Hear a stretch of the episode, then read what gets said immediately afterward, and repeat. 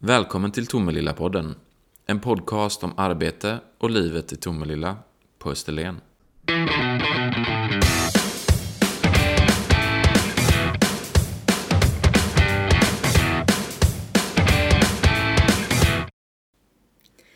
Välkommen till Tomelilla-podden som handlar om livet och arbete här i Tomelilla på Österlen. Hur vi lever och hur vi arbetar har ju verkligen förändrats radikalt på många sätt sedan världen och Sverige drabbades av coronavirusets spridning. Och det är det vi ska prata om idag. Vi följer Folkhälsomyndighetens rekommendationer om att hålla avstånd. Därför spelas Tomelilla-podden inte in på det vanliga sättet utan via en digital plattform. Därför blir ljudkvaliteten lite annorlunda. Vi hoppas att ni har överseende med detta. Och idag har Tomelilla-podden en Corona special. Britt-Marie Börjesson, du är högsta tjänsteman, kommundirektör i Tomelilla kommun. Du har bjudit in till den här specialen. Varför det och vilka är dina gäster? Jag tycker det är viktigt att dels på det yrkesmässiga planet, alltså som kommun, förmedla vad vi jobbar med, men också på det mänskliga planet informera om och prata om den här frågan och hur viktigt det är att vi alla bidrar till eh, att minska smittspridningen.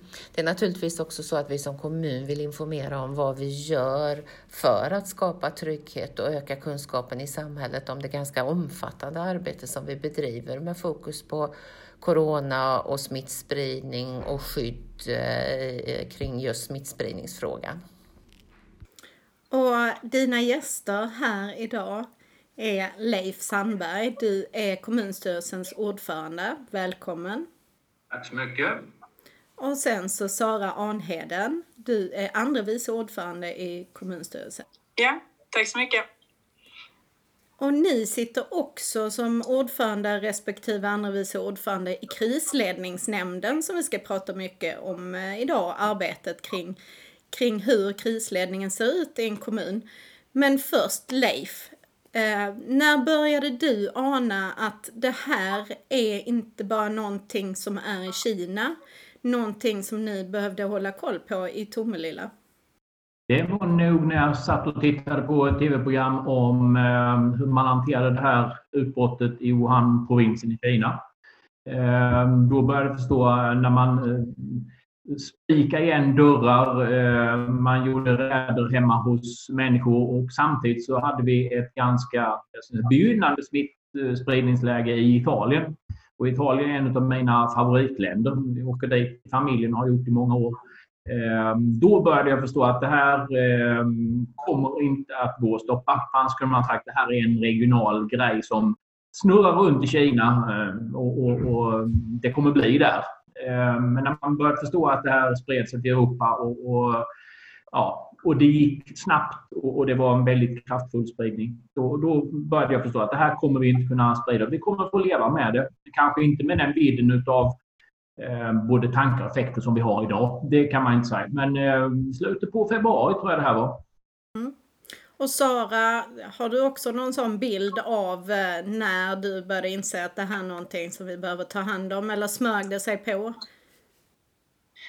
Alltså, så, precis som Leif säger, eh, man hörde ju talas om det i Kina men i början så tänkte jag att ja, men det kan ju vara en regional grej i Kina men när det sen kom till Europa och jag har många kompisar i Spanien och när de började liksom stänga ner och så, då började jag känna okej, okay, det, här, eh, det här är inte som som eh, vanliga eh, smittspridningar utan det här är något större. Men att det skulle bli så här enormt som, som det är nu, det, det hade jag nog inte eh, tanke om i början av eh, året eller i runt eh, sportlovet och där.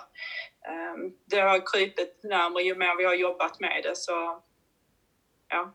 Det där med eh, att ha information i en kris är ju någonting som är jätteviktigt. Som privatperson så kan jag ju hålla mig uppdaterad dels med myndigheternas presskonferens klockan 14 varje dag eller via krisinformation.se som är myndigheternas gemensamma källa.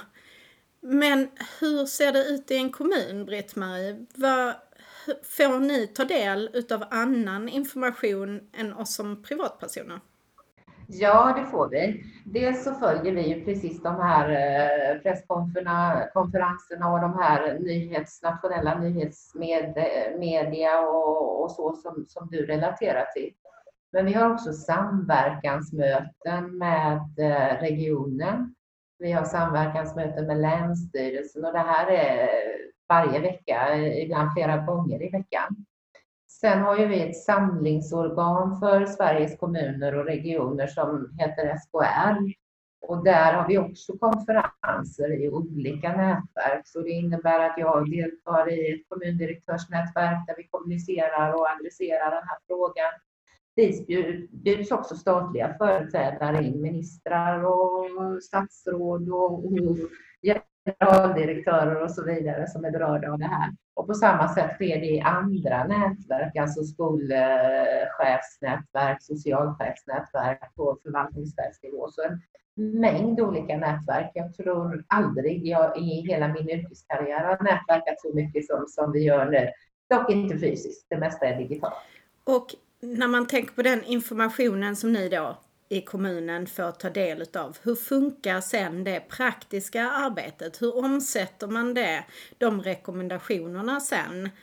Om vi börjar med dig Leif som är ordförande för krisledningsnämnden. Hur jag kan säga eh, att krisledningsnämnden är ju fortfarande en eh, inaktiv nämnd.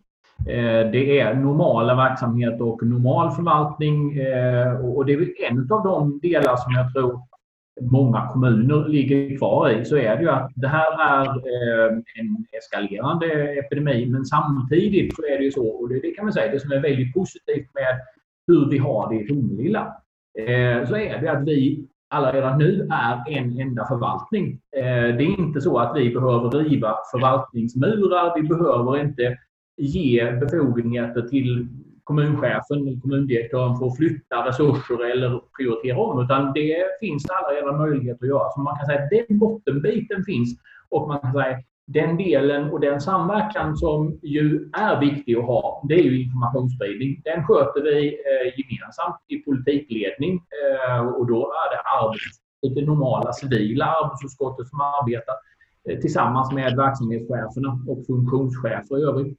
Eh, med två möten varje vecka. Eh, så vi träffas tisdag månad och torsdag månad. Och eh, vi går laget runt. Britt-Marie leder och vi kommenterar på slutet i politiken.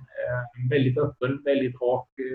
Och det är allt ifrån smått till stort som kommer upp där. Och det tror jag är en väldig styrka att man kan ha den typen av man säga, återkommande, ganska avslappnade möten som inte är blåljusmöten utan det är möten i förvaltning, möten i kontinuerlig verksamhet.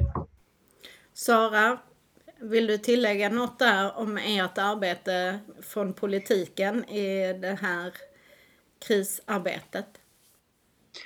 Jag tycker att eh, det arbetssätt som vi har gått in i, som vi jobbar med nu, att eh, det fungerar jättebra och att eh, jag är trygg med den informationen som, som vi får från förvaltningen och att vi kan ha den dialogen och den direkta kommunikationen med varandra. Ehm, så det uppskattar jag väldigt mycket.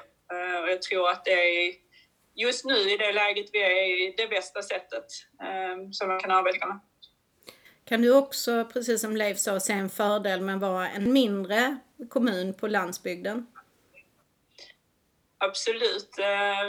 Det finns många fördelar i sådana här lägen med att man är mindre, att korta kommunikationsvägar och eh, men att man jobbar tätare och har gjort det under en längre tid. Att eh, eh man ser vinster om man jobbar med, för varandra eh, på ett annat sätt.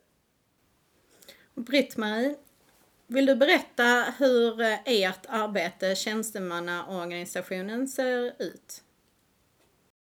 Det bygger ju på eh, egentligen ordinarie organisation, inget, inget konstigare än så. Jag tror att det är så man måste jobba i krissammanhang. Därför att då känner vi människor igen oss och då är vi trygga i de sammanhangen.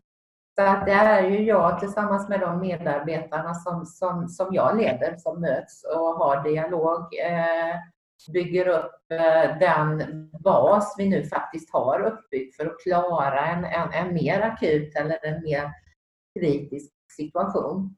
Och eh, de i sin tur jobbar vidare i sina led. Så att mycket sådant arbete genomför vi Eh, mer frekvent än normalt naturligtvis. Eh, därför att i normalläget så samlar inte jag hela det här gänget två gånger i veckan.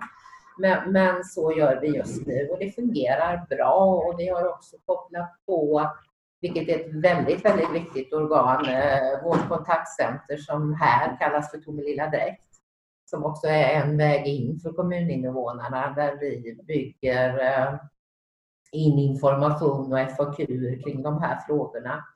Eh, vi kommer också nästa vecka gå ut skarpt med en, en eh, chatt där vi erbjuder såväl eh, yngre som äldre, ja egentligen alla målgrupper, att eh, digitalt, dock med fysisk närvaro vid varje möte från olika kontaktpersoner hos oss, eh, ställa frågor och ha en dialog eh, kring framförallt eh, social oro i de här sammanhangen. Mm, är det den främsta, är det den vanligaste frågan? Är det just en social oro?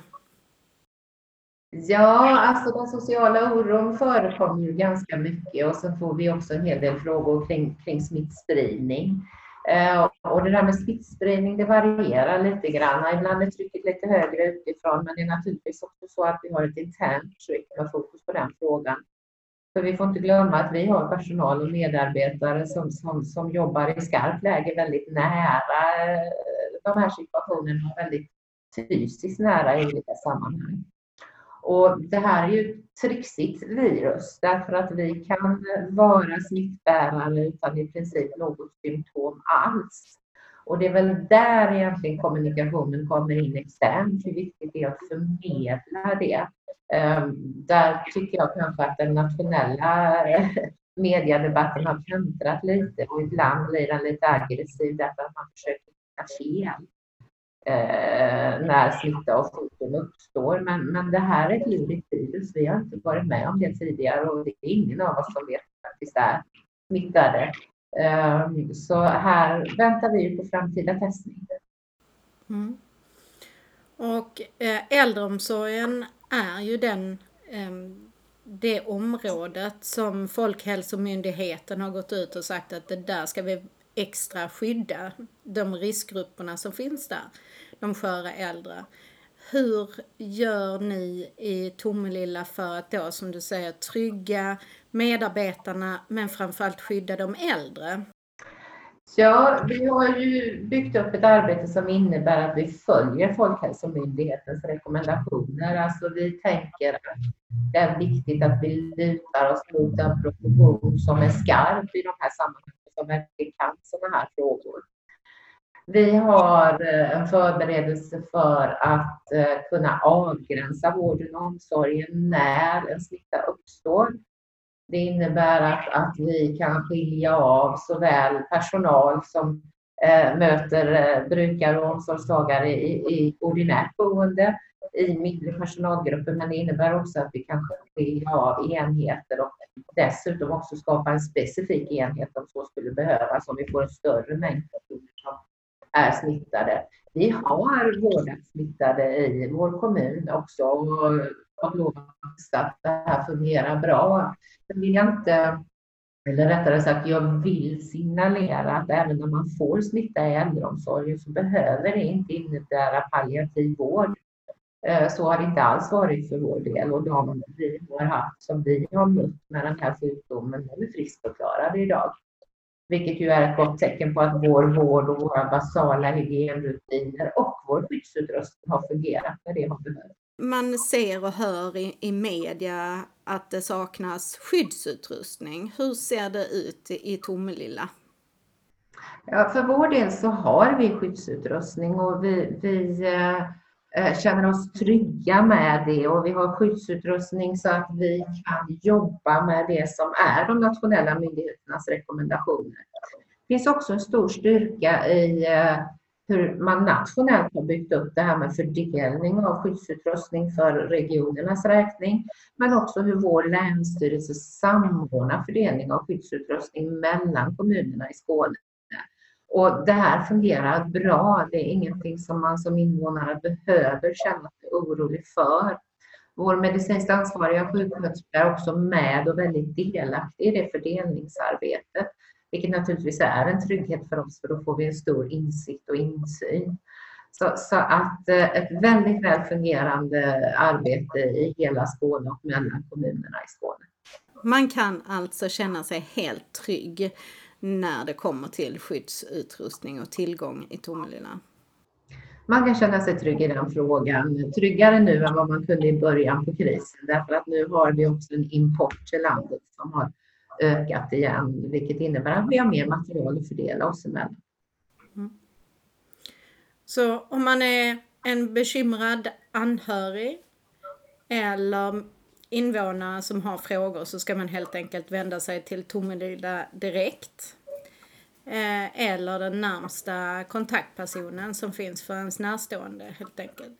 Men jag tänker just det här när man har frågor, eh, Leif och Sara, ni som politiker, lite offentliga personer här. Vad får ni för frågor, Leif? Det är ju precis som jag sa innan, allt från mycket små frågor. Ehm, det är eh, detaljfrågor, hur saker och ting sköts eh, i förvaltning. Ehm, varför ehm, till exempel vi inte delar ut grundskydd till alla invånare, eh, som då är en ganska stor fråga. Och bottendelen här ligger i att faktiskt, och det, den linjen tror jag vi har varit väldigt, väldigt stringenta med från början. Vi tillämpar det som eh, Folkhälsomyndigheten går ut med rekommendationer. Eh, vare sig jag eller någon i kommunledningen är eh, virolog eller smittskyddsläkare. Och då måste vi också förstå att vi följer de rekommendationer som finns och det gör vi tämligen nogsamt. Eh, sen är det frågor som lätt kan bli stora. Det är alltså Eh, man vill från eh, både medborgare, media och föreningar ha reda på vem, var och hur smittor finns. Eh, och då är mitt svar precis som om någon skulle ställa mig frågan om vi har någon som har gonorré i vår kommun så kan jag säga att det vet inte jag som kommunstyrelseordförande. Och jag vet heller inte på vilken adress den här personen bor på. Jag tänker inte heller tala om det utifrån smittskyddshänseende och, och den lagstiftning som gäller. Eh, och det är den typen av frågor som man gärna tar sig uppåt och inåt i den politiska organisationen för att få reda på. En kombination av nyfikenhet men också att vilja skydda sig. Eh, och mitt svar är eh, iaktta de basala hygienreglerna, se till att tvätta sig, håll avståndet. Eh, sen måste man se till, och det är ju den vad ska man säga, utmaning vi sitter i Mm. det är att vara uthållig, ehm, att inte slappna av, att fortsätta och, och vara så pass pigg och vaken som man kan. Ehm, hålla kontakten med sina äldre ehm, så att man inte saknar den sociala delen. För till slut kan man nästan bli förtrånande, om man nu säger så, så att man, man glömmer tror att allting är som bortblåst. Alltså, Oro, som Leif sa, skapar ju frågor. Vad får du för eh, frågor? Det är mycket tillgång till skyddsutrustning. Ehm, eh, frågor om eh, smitta på boenden. Ehm, jag är aktiv i föreningslivet och många som är oroliga. Hur ska det gå för ehm, med barn och unga? Kommer de sluta och så? Har de andra grejer att göra istället? Alltså, ja, men en del social oro och sådana frågor som kommer upp. Och som sagt var, kommunen eh, samlar nu i Tomelilla direkt vanliga frågor och man kan vända sig dit också om man självklart inte vill vända sig till sin politiker. Eh, jag tänkte en fråga om budgeten för att eh, nu Sveriges Radio sa i morse att regeringen har satsat ungefär 190 miljarder än så länge på kri olika krispaket. Eh, kommunen arbetar ju efter en budget som eh, man tog förra, i slutet av förra året. Hur påverkar den här krisen kommunens arbete och budgeten? Det är viktigt att eh, vara vaken. Se till att följa upp de kostnader som kommer. Ha eh, inte täta uppföljningar. För det här ser man ju kanske inte nedbrutet per nämnd, men som kommunledning måste vi vara noggrannare i uppföljningsrutinerna. Ehm, och sen ska vi säga att vi har fått eh, en skatteavräkningsprognos och den är vad den är, det är en prognos. Ehm, minus 21,5 miljoner. Vi har fått ungefär 20 miljoner i riktade statsbidrag eh, och generella statsbidrag och förstärkningsbidrag. Alla möjliga statsbidrag. Eh, så man kan säga att just nu är det inga enorma effekter. Eh, men vi ser att vi har ökade kostnader på ett par 3 miljoner ehm, totalt. Men jag säger, vi får vara vaksamma och det jag är bekymrad över och samtidigt som jag ser som en styrka, det är ju att vårt näringsliv har hittills, det är åtminstone min bild, eh, klarat sig ganska hyggligt. Och det återkommer vi till lite senare. Mm. Sara, vad, vad, vill du tillägga någonting?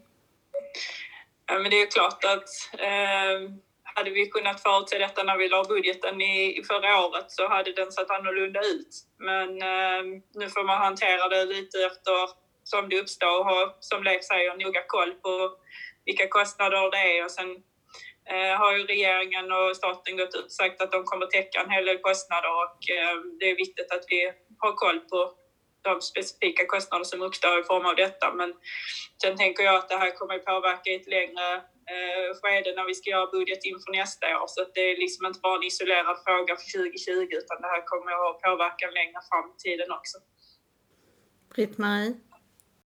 Ja, eh, jag tänker lite så här att det som eh, Eh, jag tror i alla fall gemene man tänker på det kanske all den sjukfrånvaron vi får, att vi bemannar upp, att vi sätter in extra insatser, att vi naturligtvis har ganska höga kostnader för skyddsutrustning eh, som går åt mer frekvent än, än, än i normalläget.